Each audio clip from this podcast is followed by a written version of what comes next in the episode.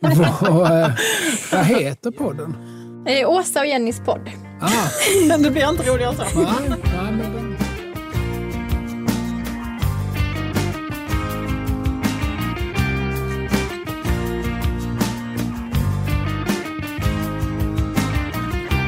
Berätta nu vad det är för en podd och vilka ni är som pratar med mig. Ja, Ja, Åsa, vem är du? Åsa heter jag, jobbar som journalist. Och eh, det här är Jenny Ja. Molin. Jenny Molin, ja. jag är livscoach, kramhealer, konstnär. Ja, sånt som är kul, det gör jag. När andan faller på. Det är därför jag sitter här idag. Mm. Mm. Mm. Superspännande Ja, du är nog den första kramhealer jag träffar. Ja, vi, Så jag är är- rätt det är ensam. spännande för mig. Ja. Ja. Mm. Det är jätteroligt att ha det här, Kalle. Tack. Eh, Åsa är lite mer påläst om vem du är och jag har egentligen ingen aning. Ja, nej, nej, man jag kan säkert fylla i luckorna i så Ja, fall. och jag tänker att det är kanske är roligt för de som lyssnar som inte heller har koll på dig. Vem är du med, med en mening? Jag brukar kalla mig diversarbetare i kulturbranschen. Mm. Det innebär i praktiken att jag skriver och jag pratar. Vilket Mm. innebär att eh, om man tänker att jag lärde mig prata, vad är man då, ett? Och Mm. jag lärde mig skriva när jag var fyra, fem. Så har jag inte lärt mig någonting de senaste 40 åren. Eller allt jag eventuellt har lärt mig däremellan har ju varit onödigt. eh, nej, men jag skriver i tidningar och jag pratar i podd och jag pratar i radio och jag när det inte är olika pandemier så brukar jag vara runt och hålla ganska mycket föredrag. Jag är, eh, alltså mitt specialintresse i livet är eh, gubbar och tanter i svensk eh, nöjeshistoria. Folk som fanns på tv när jag var liten. Eh, Jag tittade mycket på tv som barn och eh, det jag såg det gjorde så stor, stort intryck på mig att jag eh, har liksom inte riktigt släppt dem där än. Och nu som vuxen så måste jag liksom ta reda på vilka var alla de där figurerna som, som fanns, som bodde i vår, i vår lilla låda i vardagsrummet. Eh, Så det ägnar jag mig ganska mycket åt och skriver olika böcker. om- jag skrev en för ett par år sedan här om Hasse Alfredsson till exempel. Som, som är min absoluta husgud, får jag nog säga. Om man ska jämföra Hasse och Tage, vad är det med Hasse just som du känner? Är det att du känner en likhet mer med honom eller? Ja, jag skulle nog i och för sig kunna säga att de är som husgudar betraktade så är de nog jämbördiga för mig. Sen, sen eh, är Hasse lite mer outforskad och har skrivit böcker tidigare om Tage och sådär. Annars hade jag, alltså drömmen för mig hade varit att skriva en bok om Hasse och Tage. Det håller jag faktiskt på med just nu. men, men det är inte ett pionjärverk på samma sätt för sådana böcker finns redan skrivna om, om, om Tage Danielsson. Eh, sen så kanske jag då personligen känner att jag har lite som särskilda eh, liksom, kopplingar till Hasse på det viset att vi är skåningar, att vi har läst i Lund, att vi har eh, eh, Ja, det är väl kanske det. Men, men, men- jag känner, ja, men, han drevs framåt av en sorts eh, rastlöshet som jag ganska mycket kan relatera till. För de var ju väldigt olika, Hasse och Tage. Ja, De var ju egentligen säga. varandras totala antiteser på många sätt. Ja, de band samman av en likartad syn på, på människan och de delar ju många liksom, ideologiska, politiska, filosofiska eh, eh, som åsikter och sådär. Men de var nog väldigt olika till kynnet. Tage var långsävlig, eftertänksam, eh, bra på pengar, eh, bra på ordning och struktur, eh, tålmodig. Och Hasse var allt annat.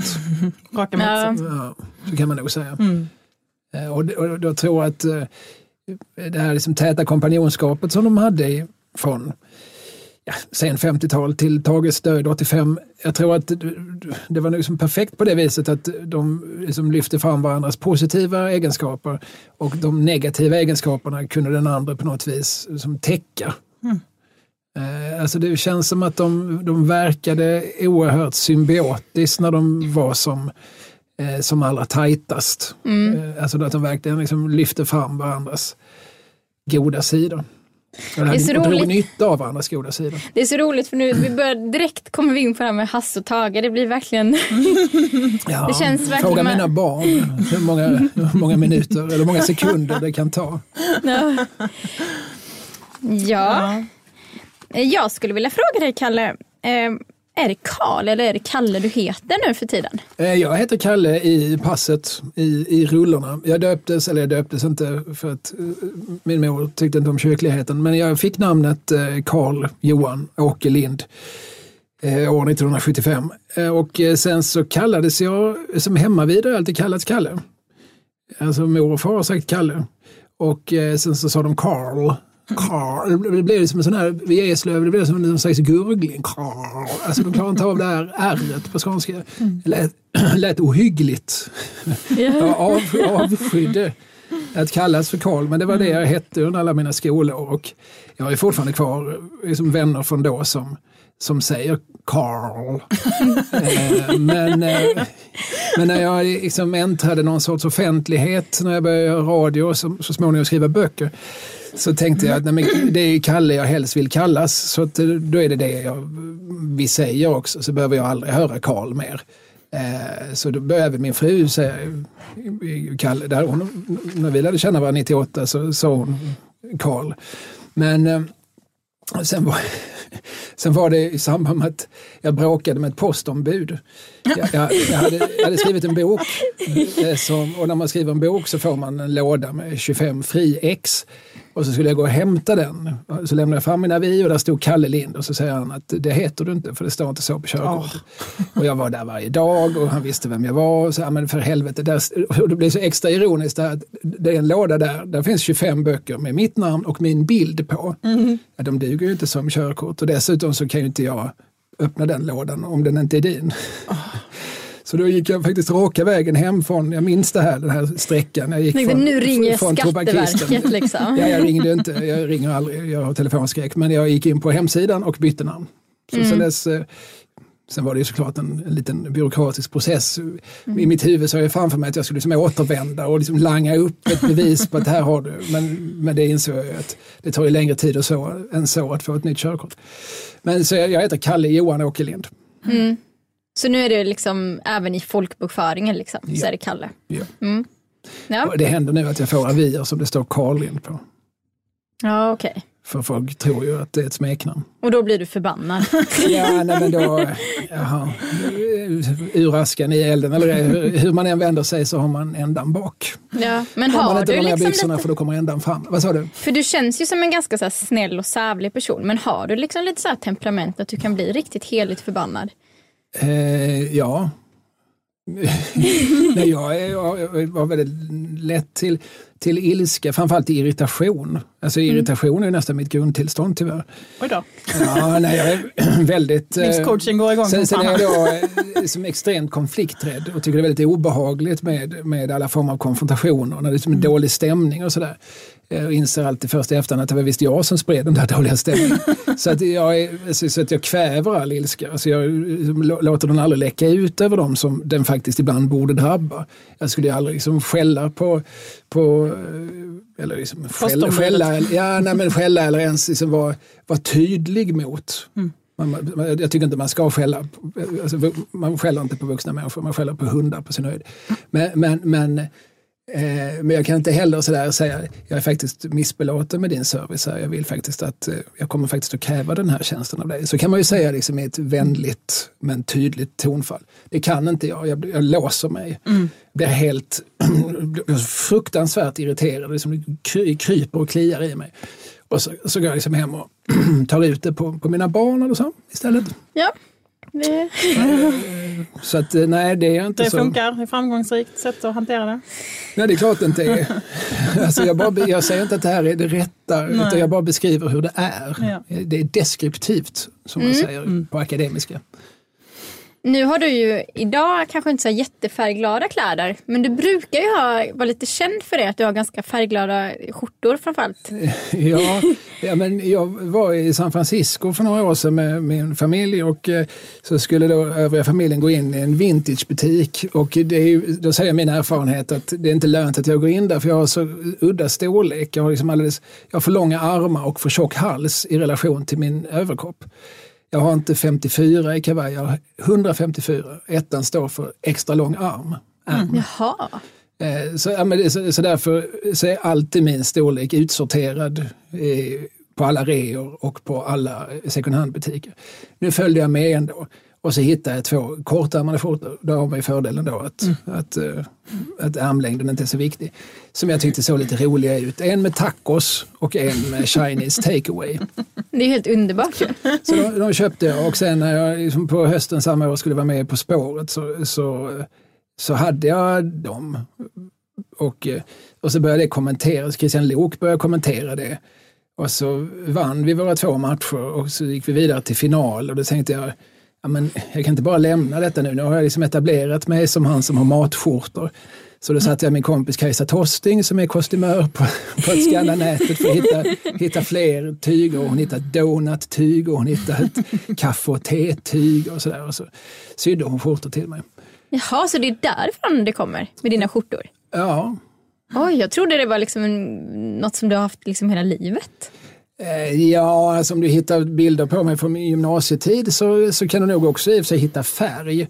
Ja. Då gick jag igenom någon sorts eh, hippieperiod sådär. Och batikfärgade väldigt mycket, batikfärgade jeans. Så jag hade mm. väldigt eh, väldigt eh, tydliga jeans mm. som syntes på väldigt långt håll. Mm. Och som jag tror Eslövsbor från 90-talet fortfarande minns. det, det, var en snackis i stan då. Mm. Jag liksom växte upp med den här känslan av att alla tittar på mig. Liksom paranoikerns uh, syn på världen. Fan, alla glor på mig. Då ska de ha någonting att glo på. så då batikfärgar jag mina jeans. Mm. Sen uh, nu för tiden så har jag inte, ser inte mitt uppmärksamhetsbehov ut på exakt det sättet. Men jag tycker det är ganska kul. Med, det är väl roligt. Man kan väl ha, om man nu ändå ska ha en skjorta så kan den väl se lite rolig ut. Mm. För det, ska jag säga, det var ju också min erfarenhet när jag hade den här tacoskjortan. Alla kommentera den. Mm. Eh, alltså, människor på stan, jag har aldrig varit med om det, att folk så glatt har kommenterat någonting på stan. Det är inte så ofta folk gör det. Vilken fin slips hör man ju sällan någon ropa till någon annan, även om man tycker det. Mm. Men, men det var verkligen, eh, liksom varje dag så var det mm. alltid någon, någon, någon hotellreceptionist eller bara liksom en, en människa i stadsvimlet mm. som sa vilken rolig skjorta, mm. tacos. Mm. Många som också bara kom fram och pekade och sa tacos. Ja, absolut, du ser rätt, grattis. Eh, och det var väl lite roligt att mm. få liksom möta den eh, liksom, hastigt uppblossande glädjen. Mm. Så att eh, ja, men då fortsätter vi med det. Så att hittar jag matskjortor någonstans så köper jag dem. Men, men, men eh, man Var köper du dina skjortor? Ja, det är ju en It's for me to know and for you to find out. Okej, okay, så det är lite hemligt alltså? Ja, men jag berättade ju just för dig att det var min kompis och det var en second hand-butik i San Francisco. Ja, ja just det. Mm. Men sen så finns det ju ibland olika skjortbutiker, alltså mm. klädbutiker. Alltså, det kan ju hända. Liksom, Eton har mm, alla möjliga det. sorters mönster. Men ibland kanske de har en banan i sitt mm. mönster och då brukar jag köpa den. Mm, just det. Jag har en fråga här. Vi var, du var lite inne på det innan. Eh, telefonskräck nämnde du. Mm. Jag vill veta vad du mer har för rädslor. Jag är rädd för fåglar. Jag är rädd för eld. Jag är rädd för eh, eh mänsklig närhet, intimitet, kärlek, kvinnor. Nej, jag ska jag bara oj, du behöver en eller, eller, eller inte. Nej, men jag är, jag är rädd för, men det sa jag nog också, alltså jag är rädd för dålig stämning. Konflikträdd? I högsta grad. Mm. Oerhört. Eh, tycker inte om när det är när, när det här är som känslan av att nu är vi lite obekväma här i rummet och sådär. Jag har märkt det när jag gått i, lite i terapi och så här, så går man och pratar med en tant eller en farbror och så gör man ju det lite grann för att nu ska jag, här, finns ett rum som är tryggt, här kan jag säga vad jag vill. Men jag märker när jag börjar berätta om eh, olika liksom, dystra eh, tankar och sådär det här är inte så roligt för dig att lyssna på. Mm, ta ansvar för deras. Ja, ja, nej, så ja. Då, då får du en anekdot här istället. Mm. Skoja bort det lite grann. Ja, ja, kan man väl säga. Och eh, eh, ja, så därför jag, jag funkar inte riktigt i den situationen. Mm. Jag tycker inte om när det blir för allvarligt eller när det blir för, mm. För, för, för dystert eller för spänt. Det är någon sorts, någon sorts rädsla som jag delvis kan försvara för att jag tycker att vad fan, det är roligare när det är roligt än när det är tråkigt. Sant. Eh, men, eh, men ibland så, så kanske den det innebär att man undviker att konfrontera vissa saker som borde konfronteras. Mm. Känner du att det blir en, en, tydlig effekt när du då undviker? Alltså vad, vad blir följderna av det? Alltså, jag skulle nog säga att oftast, alltså, ja, men vad som händer, alltså just som jag, som jag beskrev den här situationen med ett, ett, ett tobaksombud, eller postombud på en tobaksaffär. Eh, där jag liksom låser mig så mycket i min ilska att jag, att jag kan inte liksom förhandla här utan, utan det slutar liksom att jag bara liksom stegar rakt ut. Liksom man kan nästan se så här liksom rökmoln stiga ut ur mina öron. Mm. Eh, men, men, jag, liksom ingen, jag kan inte hantera den situationen genom att säga du, kom igen nu, liksom, tänk efter. Du, du fattar ju att jag är jag. Så här, liksom, vi, jag är ju här varje dag. Så, utan jag blir väldigt låst och sluten och spänd. Mm. Och det är ju inte bra. Alltså, det vinner varken jag eller någon annan på. Eh, men sen så tycker jag i vissa lägen så när man bråkar med sin, med sin fru och man kommer på att det är tradigt att bråka, ska vi inte skoja istället? Det tycker jag är, liksom, det är en positiv effekt. Det blir liksom, det blir liksom plåster och plåster eh, hjälper ju till att, att hela det lilla sår som just fanns. Alltså för mig, jag kan inte säga att vi borde ha petat lite djupare i det såret. Nej, så, har jag ett sår så vill jag sätta ett plåster på det. Och det plåstret är mycket eh, skojande, tramsande, larvande. Mm. Eh, så, så att eh, ja, nej, det, det finns nackdelar men jag tycker faktiskt också att det finns fördelar. Mm. Men skulle du säga att humor är lite ditt förhållningssätt till när det, saker är jobbigt i livet? Humor är mitt förhållningssätt till precis allt. Ja. Alltså det, för mig är humor verkligen just en relation till, till, till världen. Eh, det är det humor är, det är ett sätt att som förhålla sig till, till människor, förhålla sig till sig själv, att förhålla sig till, till allting. Eh, mm. Så att ja, eh, i högsta grad. Om du fick ta med tre personer till en öde ö och det inte får vara någon i din familj, vem skulle du ta med? Jag börjar med er två. Mm. Ja. Och sen så Johan, tekniker. Ja, enkelt. Så det, var, det kommer konflikträdslan igen. jag vet inte om det var konflikträdsla, det är nog mer mitt försök att alltid försöka skoja till det. Ja. Uh, ja. Det får vara personer som är döda också. Skulle ja, jag, jag förstår. Får det också vara fiktiva personer? Absolut. Uh, får det också vara ja, men, alltså, jag, jag, vet inte. Alltså, liksom, det enkla svaret hade ju varit då, liksom, att dra till med Hasse och Tage i vanlig ordning. Eh, och, och, och Povel.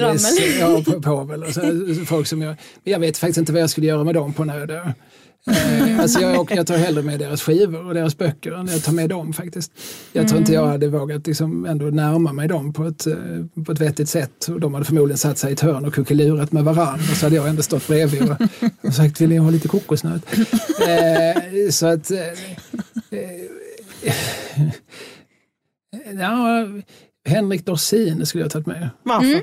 Ja, vi, vi, vi, känner varandra en smula men, men vi, jag känner att eh, vi är ganska connectade. Vi delar väldigt mycket eh, intressen. Eh, och så skulle jag tagit med min kompis Trampe, Fredrik av Trampe som jag gör en podd med som heter Della Mata. Och så skulle jag ta med min kompis Vante som jag också gör en annan podd med som heter Adu. Eh, för det, det, är människor som jag känner eh, att jag väldigt mycket liksom connectar med, våglängdar med. Eh, vi har aldrig slut på samtalsämnen. Mm. Ja, men det låter väl jättebra. För jag tänker att det är väl det man kommer att göra på den där ön. Man kommer väl att sitta och prata tills eller, alltså tills man har ihjäl varandra. Ja, precis. Tills, till, tills maten är slut. Liksom. Ja, och har ihjäl varandra. Ja, och där hade jag ju vunnit mot de flesta, äh, flesta nördar. Jag är ju ganska, för att vara, för att vara nörd så, så är jag ju relativt vältränad och relativt äh, som är stark. Mm. Men det smartaste hade ju varit såklart att ta med eh, någon som kan ro därifrån. Det är ju det mm. smarta svaret. Någon som kan bygga en båt. Det är bara att ställa en fråga på Och då kretsen. är svaret på frågan, som jag också kunde ta med det gänget, min kompis Valle Westesson, som jag har gjort otroligt mycket radio och scenskoj med genom livet, men som också är är som en fantastisk praktiker som kan bygga vad som helst av vad som helst. Har byggt ett cirkushotell och driver en festbåt och, och liksom bygger saker. Ja, men vad håller du på med nu? Jag håller på och bygger en foodtruck och så där. Alltså han, han hade ju varit lämplig att ta med på en öde ö. Så hade han kunnat få bygga en båt medan vi andra satt och pratade. Och åt kokosnötter. Ja, och, precis. och medan vi satt och pratade Beppe Wolgers 60-tal. Det låter som en ganska trevlig, eh, eh, angenäm liten tillvaro. Vad är ditt största misslyckande i livet? Oh, det vet jag inte om jag vill sitta här och ventilera med er två. Vi känner ju knappt varandra. Nej, det behöver du inte heller. Ja, alltså, jag ska säga att jag är, jag är halvvägs i livet. Jag genomgår lite grann en sån här midlife crisis som det heter på engelska. Eh, livskris. Jag, så jag sitter ganska mycket och funderar på det. Vad, vad borde jag ha gjort annorlunda? Eh, gjorde jag rätt? Borde jag ha Borde jag ha flyttat? Jag har ju bott i Skåne hela mitt liv och så har tagit mig de här fyra milen från Eslöv till Malmö. Det är, det är stort. ganska kort sträcka under en levnad. Eh, borde jag ha sett världen på ett annat sätt? Borde jag ha eh, som skaffat mig ett internationellt kontaktnät? Borde jag ha knackat på den där dörren på den tiden när möjligheten fanns? Alltså jag funderar ganska mycket på det. Eh, men jag har inte kommit fram till något, vilket som är det största. Jag kan nog inte säga att Alltså jag kan nog inte peka på det här borde jag inte ha gjort. Eh, åtminstone inte karriärmässigt utan då får man väl se liksom varje misslyckande eller eventuellt misslyckande som en erfarenhet. I livet Ja, Nej, jag kan inte säga att jag har misslyckats. Jag kan inte heller säga att jag har lyckats. Så att säga. Ja, alltså, Vad innebär lyckas? då? Nej, men jag, alltså, jag har massor med saker att vara lycklig för. Jag är, är liksom väldigt privilegierad och jag har liksom eh, friska och trevliga och roliga barn och en eh, hustru som låter mig älska henne. Eh, Men det är ju ingenting som, eh, som jag riktigt kan ta, ta på mitt konto. Jag har ju bara haft tur. Om du förstår vad jag menar. Det är, som det inte, mina barn, jag har lyckats med mina barn. Kan jag inte, det kan jag inte säga för det är inte jag. Du är ju individer. Jag, jag, jag är delaktig men, men det är inte, det är inte mitt, de är inte mina verk. Sen ibland när mina söner plötsligt citerar någon gammal Hasse och Tage-sketch, då har jag för vana att sträcka händerna mot himlen och ropa Jag har lyckats! men, men eh, det är ju, Det ultimata tecknet på succé. ja, men, vi har lyssnat, vi har lyssnat på mig. Så blir jag, så blir jag på riktigt, kan jag bli så tårig och sentimental. Åh herregud, jag Ja, men vad är grejen med det där? Man vill verkligen att ens barn ska vara lik en själv. Nej, man vill att de ska ta, ta, ta alla, alla positiva saker. Vill man att, Ja, de resten ska, kan vi att de ska kasta. ta. Ja, men där man säger barn gör inte som man säger, de gör som man gör. Ja. Men vilket inte heller stäm- stämmer, utan barn gör som man gör när man gör dåligt. Barn tar efter, tar efter ens dåliga sidor. Alltså, jag har någon iakttagelse om det här, från min äldste son, han är 17 nu, men när han var kanske i 10-årsåldern så började han eh, säga vad heter det hela tiden på sånt där irriterande det? sätt. Ja, vad heter det? Ja, men vad, vad heter det? Eh, jag, jag, vad heter det, gick på, vad heter det, gatan på, vad heter det, och så höll det på så. Liksom, det var otroligt frustrerande att sitta och lyssna på. Och jag tänkte varför håller på så här tills jag hörde en inspelning med mig själv där jag noterat. Jag säger det så här ganska mycket. Okej, det tar han efter. Aha, det tar han efter. Då gör han som jag gör. Men, men å andra sidan, jag tömmer ju diskmaskinen varje dag. Varför gör han inte det? Alltså, jag försörjer ju familjen. Varför tar han inte efter det? Han tar ju bara efter de dåliga sidorna. Hur träffades du och din fru? Eh, vi bodde på samma studentkorridor. Ja, det är så länge sedan. Eh, 1998. Oj, Det var ett annat millennium. ja det var det. Så det kan nästan bokstavligt säga att det var tusen år sedan. Ja. Eh, vi bodde på parentesen i Lund, två dörrar ifrån varandra. Jag bodde på D302 och hon på D306. Eh, emellan bodde Bodil och Niklas. Det var ett syskonpar som delade på ett, ett korridorsrum på 16 kvadratmeter. De var från Småland. Eh, det var väl därför de, du vet, de är ju snåla. Smålänningarna. Eh, och sen, eh, ja, sen började vi hångla. Och sen fick vi barn. ja. Och nu är vi gifta. Vi gifte oss på 20-årsdagen av vårt, av vårt hångel. Hångel. Så 20 år alltså? Ja, Nu är det ju 20, 23 va? 23, oj. Det är väl bra. Älskar du ditt liv? Nej, jag älskar min fru. Jag, jag trodde det var det du skulle fråga. Ja, men jag tänker hon är väl del av det. Ja, ja nej, det är den delen av livet jag älskar. Absolut. Men generellt? Eh, nej, det kan jag inte säga att jag gör. Nej. Ja, alltså, alltså jag, återigen, jag vill verkligen liksom understryka att jag är väldigt medveten om, om allt jag har och eh, jag lever ett ganska liksom, gynnat liv där jag har ett jobb som jag någonstans har formulerat själv och hittar på saker som jag verkligen uppskattar att göra. Alltså, jag skriver en massa böcker så det gör jag ju för att jag tycker om att skriva böcker. Det är ju inte så att det är särskilt lukrativt att skriva böcker, det är inte, utan det är ju för att jag för att jag vill och det är jag väldigt tacksam för att jag kan göra. Men eh, nej, älska livet, nej, det kan jag inte säga. Nej. Det, jag, jag står ut med det för det mesta. Gillar du det? Ja, men I sina stunder gör jag det. Alltså, och jag, jag tycker också det är lite så man får se på det. Att, ja men det är väl mest eh, liksom, vattvälling men då och då så dyker det upp någon liten oxfilé. Eh, och den är ju god och saftig. Och eh, det, det gör det ju då i form av barn och i form av liksom, stunder. Alltså, jag kan ju ibland liksom sitta i vår, i vår enorma soffa som vi har köpt för att hela familjen ska få plats. Och, och eh, nu sitter vi här tillsammans och tittar på något som vi alla tycker är ganska okej. Och eh, vi, det finns lite grillchips för de som vill ha lite mer smak i chipsen och sen så finns det de här liksom vanliga som heter potatischips som knappt smakar salt för de som vill ha det och så är liksom alla lite nöjda. Och, här- och jag kanske får dricka med en liten öl, vem vet. Eh, och, och ja, men, eh, vad bra vi har det, kan jag liksom säga. Det, händer, det hör jag mig själv säga ibland. Nu, vad, vad härligt, vad, vad, vad, jag gillar er. Och så. Men så kan man inte, det funkar inte att göra det 24-7. Ja, säg inte det. Alltså, då blir det. Nej, men, men det gör jag hur som helst inte 24-7. Det är nog det ärliga svaret på den Ja, frågan. det är jag glad för. Ärligt. Har du varit kär i en kille någon gång? Nej. Aldrig någonsin? Nej, inte på något, något erotiskt laddat vis. Eh, Bromance. Nej, knappt det ens i livet. Alltså, jag, jag har väl, alltså som 17-åring så idoliserade jag ju Thåström och satt liksom och dreglade över bilder av honom. För att, men det var ju för att jag ville bli han. Jag ville se ut så och, ha hans appeal. Och, och, eh, så att jag försökte liksom gissa sig till var han köpt de där kläderna och försökte hitta något, liksom, nå- någonting liknande och, och sådär. Det är inga donutskjortor direkt. Kan Nej, säga. det var långt innan eh, donutskjortorna. Men, men, eh, och jag, men nej. Men det är väl någon sorts kärlek. Alltså, jag vet inte vad skillnaden är. Alltså, man pratar ju mycket om tonårsflickors eh, eller pratar mycket, men genom mitt liv har det då och då liksom diskuterats. Backstreet Boys, eh, eller innan då New Kids on the Block, och så här, som tonårsflickors liksom, idoliserande av unga män. Men jag, alltså, jag höll på med samma sak. Jag skrek inte på samma sätt. För jag, det var jag liksom för hämmad för.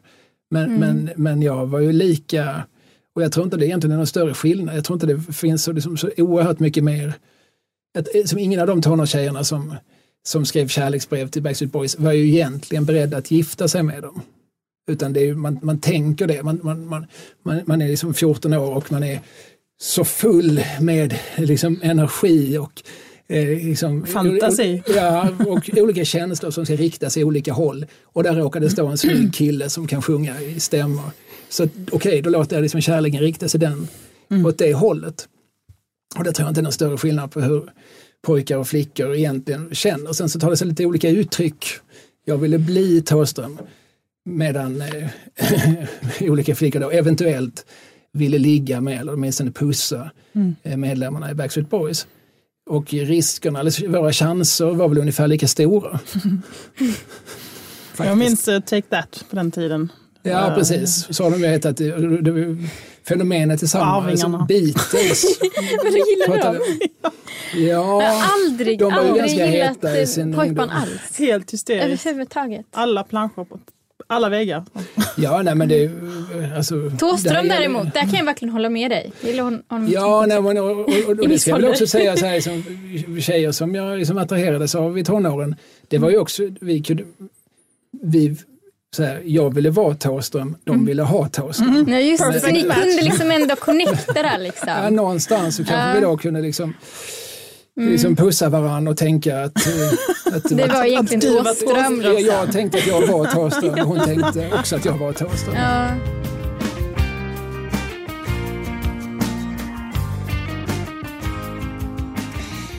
Ja, då sitter vi här och dricker lite te här. Eh, det var- Lunda-blandning från tehuset Java. Det var väldigt, väldigt gott. Som då är lite rosenblad och citronskal. Och vi är väldigt glada att vi blir eh, lite sponsrade av dem. Så det tackar vi för. Ja, tack så jättemycket.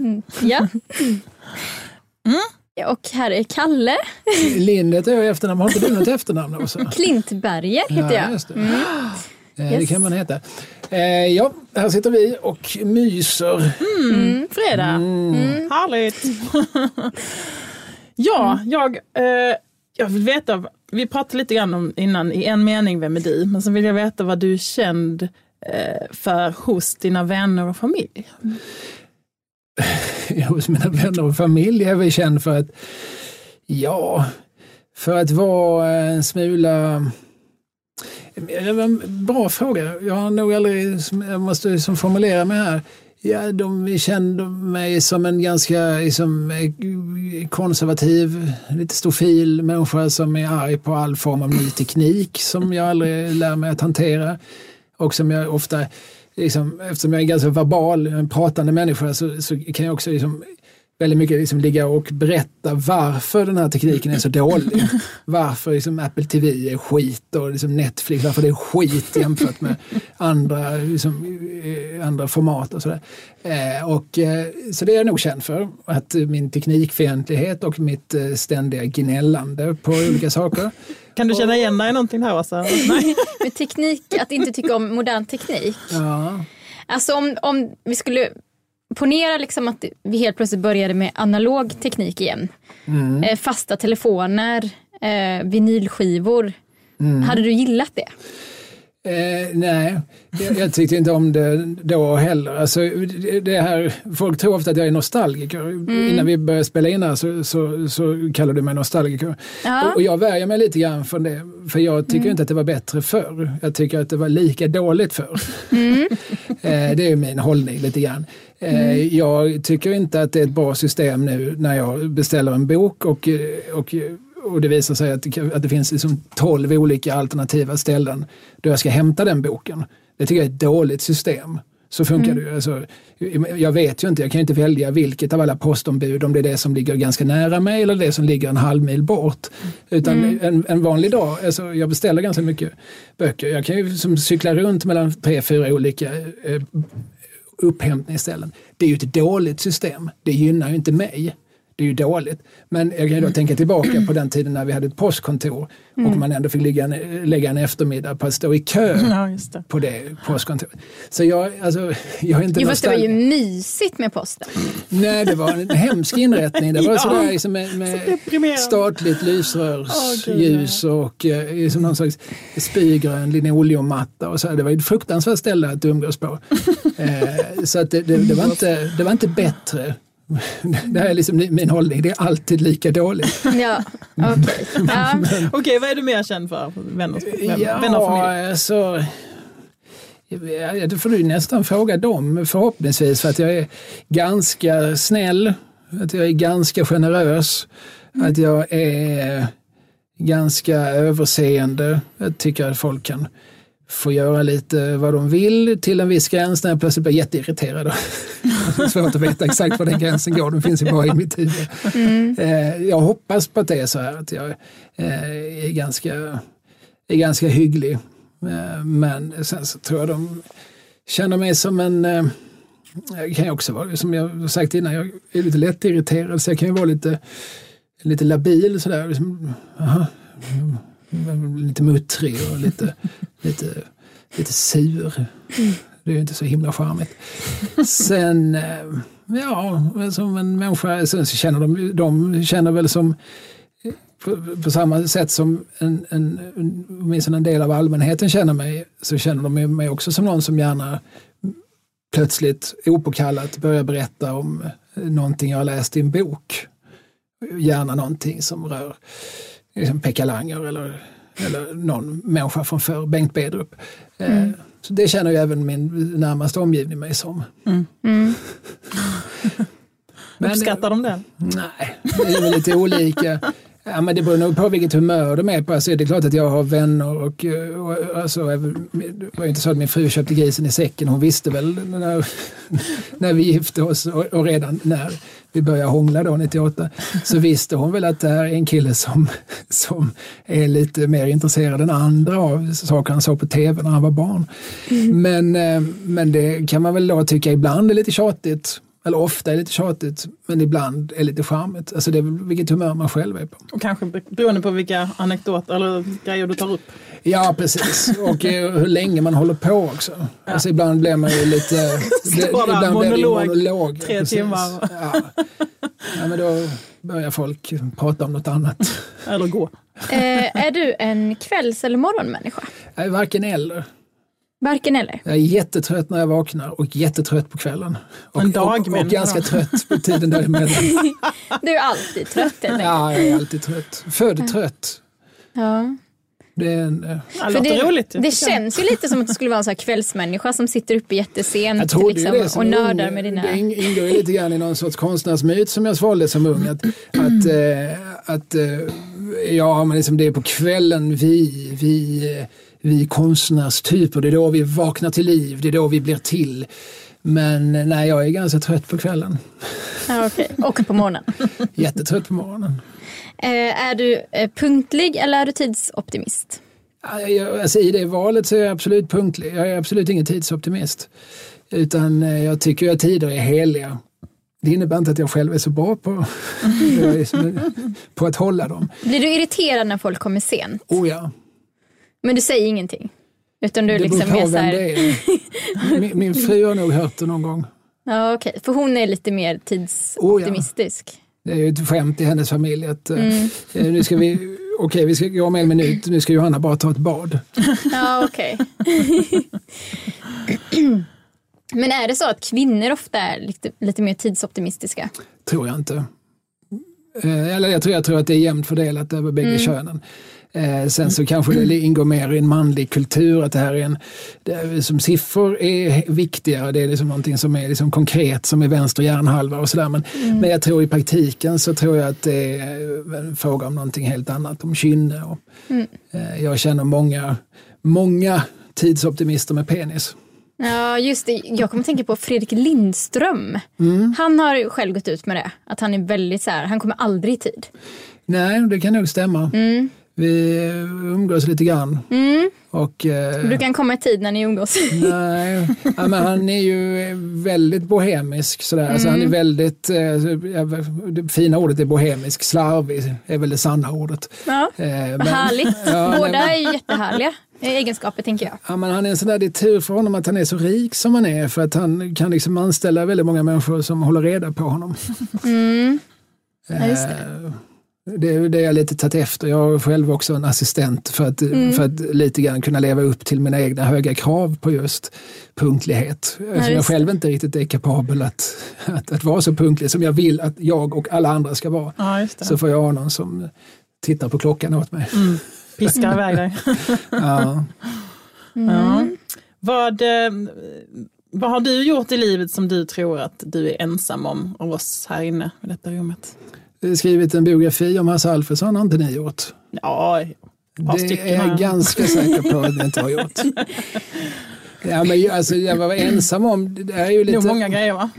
Ja, nej, men jag, det är ju sån där, jag växte upp med, så på 90-talet, man pratade liksom om indie-pop och liksom det skulle vara alternativt och, och det var liksom lite viktigt sådär att, att saker skulle vara lite det skulle helst inte vara för brett. Det skulle inte slå för stort. Det skulle inte vara för folkligt. Man skulle liksom ägna sig lite grann åt, åt sin grej. Och, och, och så, det här är liksom jag och 25 till som hajar den här grejen. Lite svårt. Och lite... Ja, men det är kanske inte svårt. Men, för, för jag tycker inte riktigt om det svåra. Jag tycker inte om sånt som är, jag fattar inte, nej då går jag min väg. Mm. Eh, men, men eh, samtidigt, ja, det är väl det, det för de, sånt som jag roas av roas ju inte den stora publiken av för att nu för tiden, för att jag är sådär gamla Hasse och Tage för det är många idag, jag fattar inte. Nej, för att eh, då ska du egentligen känna till att eh, då på 60-talet sätter vi vår statsminister Tage Erlander och så hade vi en justitieminister som hette Herman Kling. Alltså man måste ju veta vissa saker. Jag vet ju de sakerna genom mitt intresse så därför så uppfattar inte jag det här som det minsta svårtillgängligt. Men det blir ju det om man sätter det framför någon som inte har nycklarna. Eh, vad var frågan?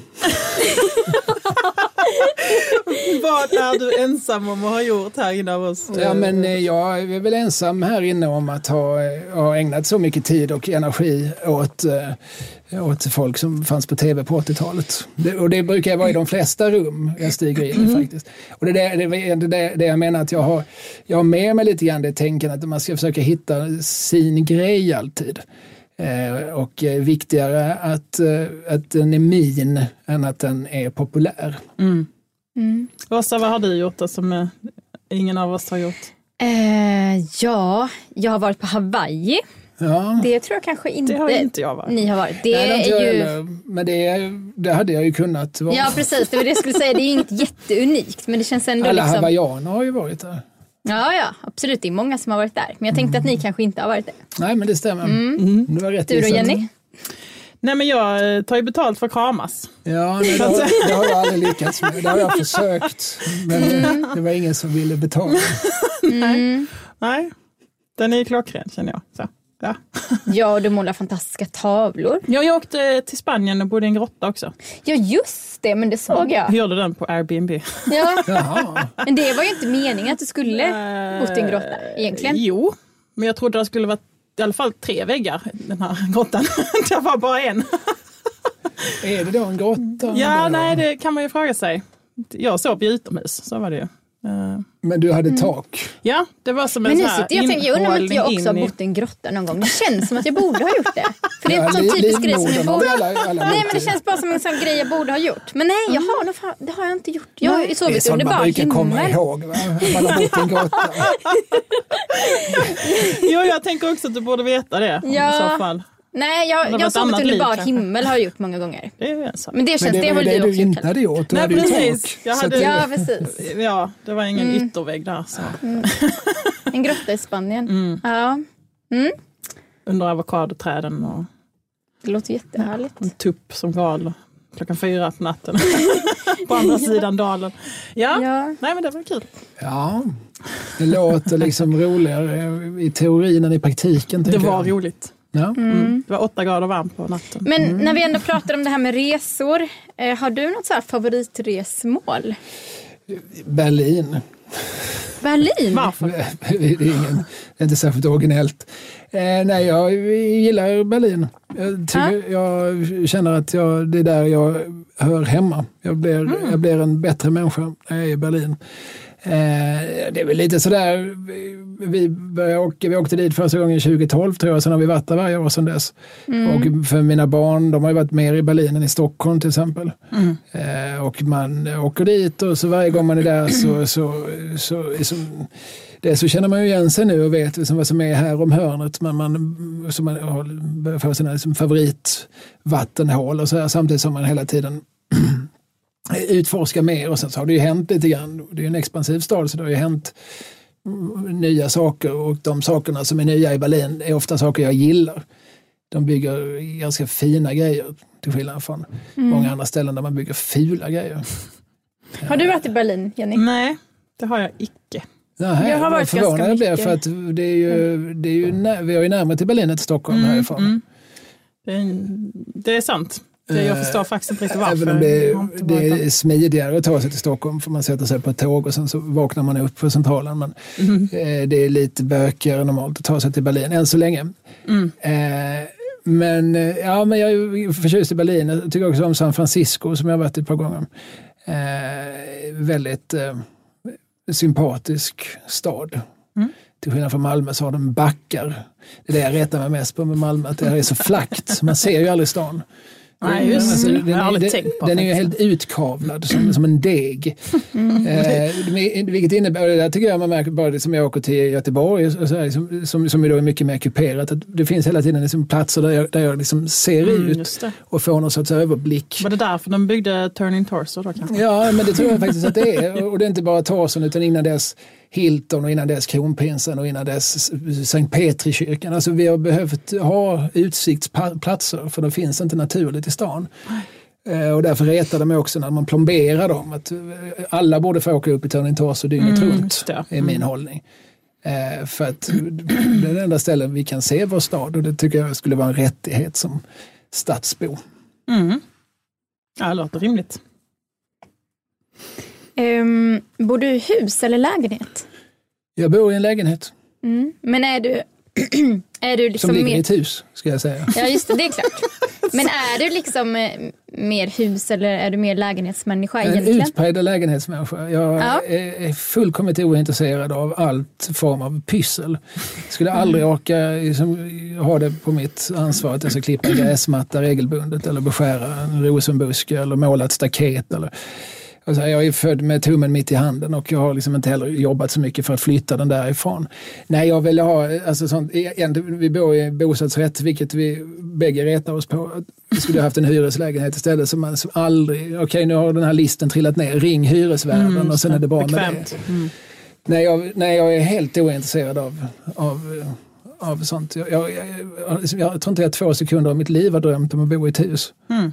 Och du då Åsa? Alltså jag är ju husmänniska. Jag älskar hus. Ja. Och trädgård och ja, jag är så avundsjuk på ditt hus Jenny. ja. Det är ju så fint. Mm, You should be. Mm. Som du ju har bott i tre veckor nu, eller vad är det? Ja, två och en halv vecka. Två och en halv vecka. Mm. Alltså det är så, jag har ju inte sett det på riktigt, men jag har sett det på bild. Mm. Det är så fint. I love it. Vi älskar varandra. ja. Nej, men, Men det är viktigt med den trädgård också. friheten där, precis. Ja. Frihet är ju viktigt för mig. Så, eh, nu har jag liksom en trädgård och sen har jag åkrar. Så, Mm. Helt fritt framför mig. Det är helt magiskt alltså.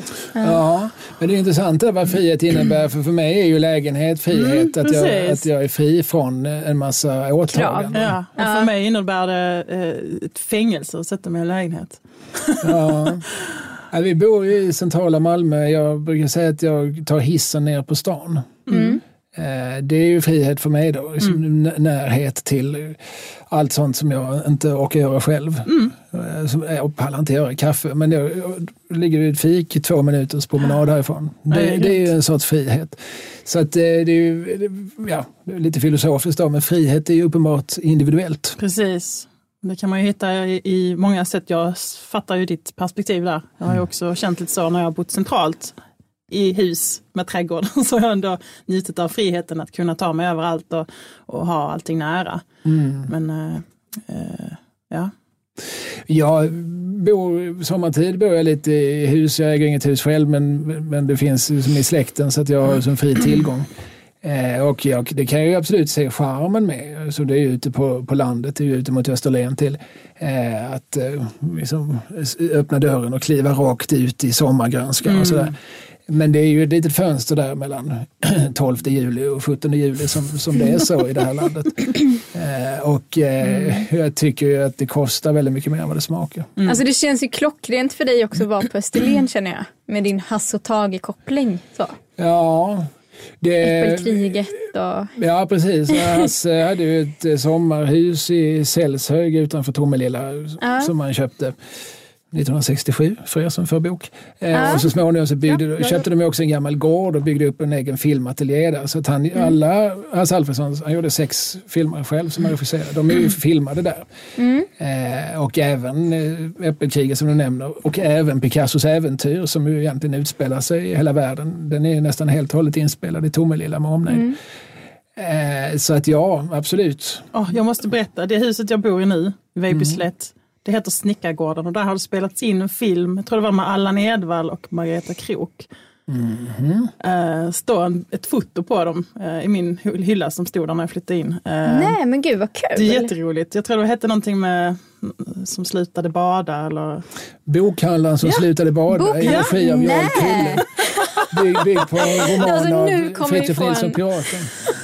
Jo, Ja, det är en ganska, ganska rolig film faktiskt. Boken är jättebra men även filmen är ganska lyckad. Det var Jarl Kulle som regisserade den och han var ju från nordvästskåne. va? Han hade rötterna i Ängelholm. Ja, det. Så att, eh, det, var, det är väl därför han hittade dit. Ja. För att boken utspelar sig väl egentligen på Piratens Österlen just. Ja. Ah, vad roligt. Så där är en liten bod precis när man kör in i den här lilla byn. Jag vet inte om det, om det är 25 hus i den här byn. Eh, en liten bod precis där. Där, där är liksom lite information, text lite grann hur, hur byn då eh, växte upp från början. Men även eh, då lite grann om filmen. Och att hela, hela byn blev en inspelningsplats och det var jättespännande och stort. Och Ja, ja, ja. ja det var, det, detta var intressant för mig. Ja, nu är jag till här. Det var olika gubbar som nämndes. Och en gumma, en av mina favoritgummor, Margareta ja, ja. Men sen om man tittar på liksom böcker jag skrivit och sådär. Jag, jag, det finns ju jättemånga ro, roliga historier om olika kvinnor som jag också har tittat närmare på. När jag började skriva böcker så, så mina första böcker som heter sånt som människor det varit synd om och människor som gått till överdrift och människor som har haft fel. Så handlade det ju ganska mycket om att jag ville peka finger, eller jag, peka finger, jag ville göra mig lite lustig över olika maktmänniskor som, eh, som kanske då och då har gjort bort sig eller gjort fel eller sådär. Och, och det är ju det är ju män som historiskt har varit maktmänniskor. Alltså i mitt perspektiv skulle jag ju säga är närmast feministiskt. Alltså, det är ju liksom, det är därför jag vill ju peka finger på de som har gjort fel. Det blir lite konstigt ibland när folk... eh, Det finns ett pris som heter Johnny Bode-stipendiet. Eh, Johnny Bode, lång historia, men det var en, en kille som lyckades ställa till det väldigt mycket för sig. Han var kompositör. bodde i Malmö, bodde borta vid Kronpriset. Eh, slutet av sitt liv och så delas det ut ett pris varje år till någon som i likhet med Johnny Bode har gjort bort sig och ställt till det för sig. Eh, Marcus Birro har fått, eh, Ja, eh. Svenska Akademin har fått, sådär. Mona Sahlin har fått det. Och någon gång vet jag att jag pratade med någon kvinna om det här och började räkna upp vilka som fått det här priset. Och innan hon liksom hunnit tänka efter vad det var jag sa så sa det, det, är, bara det är bara män. ja, absolut, men du fattar att det här är inget, det är inget positivt pris. Nej. Det här är inte ett pris man får för att man har gjort någonting bra. Det här är någonting man får för att Ja, man det har är män ställt som till det klantar för till sig. det, så är det. Ja, faktiskt är det det i den utsträckningen. Som, som, eftersom det handlar liksom, det är män som har blåst upp sig till en viss nivå där de liksom har till slut spruckit. Alltså det, det, jag kan inte riktigt förstå att det skulle vara liksom en jämställdhetssträvan att ha ett samhälle där, där kvinnor beter sig lika illa som män. Utan vi ska väl försöka se till att ingen beter sig särskilt illa. ja, men vad roligt att du ville komma hit idag, Kalle. Vi är att jätteglada för det. I vårt premiäravsnitt också. Jaha, var det det? Jag tänkte vi Ja. börjar med den finaste gästen. Ja. Ja, nu kommer det bara vara en nedförsbacke. Ja, det blir tufft för dem som Måste Ja, börja liksom på topp kände vi. Stackars de framtida Ja, gästerna. jag. precis. Det, det blir ju svårt alltså nu. Ja, Men- det blir det. Vi, vi får ge det, ge det en chans för de stackarna i alla fall. Ja, precis. Ja, jättekul Ja. att lära känna dig Mycket lite grann. trevligt att få komma. Ja, och eh, Då så, då kör vi lite fredag och lite helg här nu då. ja, vad ska du göra i helgen? Eh, Jag, jag ska iväg nu och fira min systers 40-årsdag. Ja, just Så jag har lite det. bråttom. Ja, Ja. spring! Vi ska, vi ska överraska henne, så, vi, Ja. så det är viktigt just med tid. Ja, ja, just det. att- För annars faller allting. Liksom. Ja, precis. Det är också, eftersom andra människor står, och- övriga, gäster står och väntar så kan ju inte vi komma 20 minuter sent. Nej. Eh, Nej, Nej men det är att, eh, klart. Ja. Men då var vi klara med dagens avsnitt. Och det är fredag. Och vi kommer köra nu varje fredag här. Och det ska ju bli jätteroligt. Eller vad säger du? Super excited! Ja, det känns så himla kul. ja, och, och speciellt som, som det här är eh, nytt för oss båda. Ja. Vi ger oss ut på okänd mark och eh, det kan ju bara bli succé, eller hur? Yes. Vi vill ännu en gång eh, tacka vår superfina sponsor också här, Tehuset Java. Vi har ju suttit här och druckit eh, Lundablandning som vi fick av dem och den var ju så himla god. Jättegod. Eh, med rosenblad och citronskal. Spring Väldigt god. och köp. Det var ja, jättegott. det var väldigt gott. Ja. Och, så det var väldigt trevligt att de vill vara med oss och tro på oss här från början. Tack så mycket till huset Och eh, Java. trevlig helg till er allihop här nu också. Och eh, Då så. puss, och kram!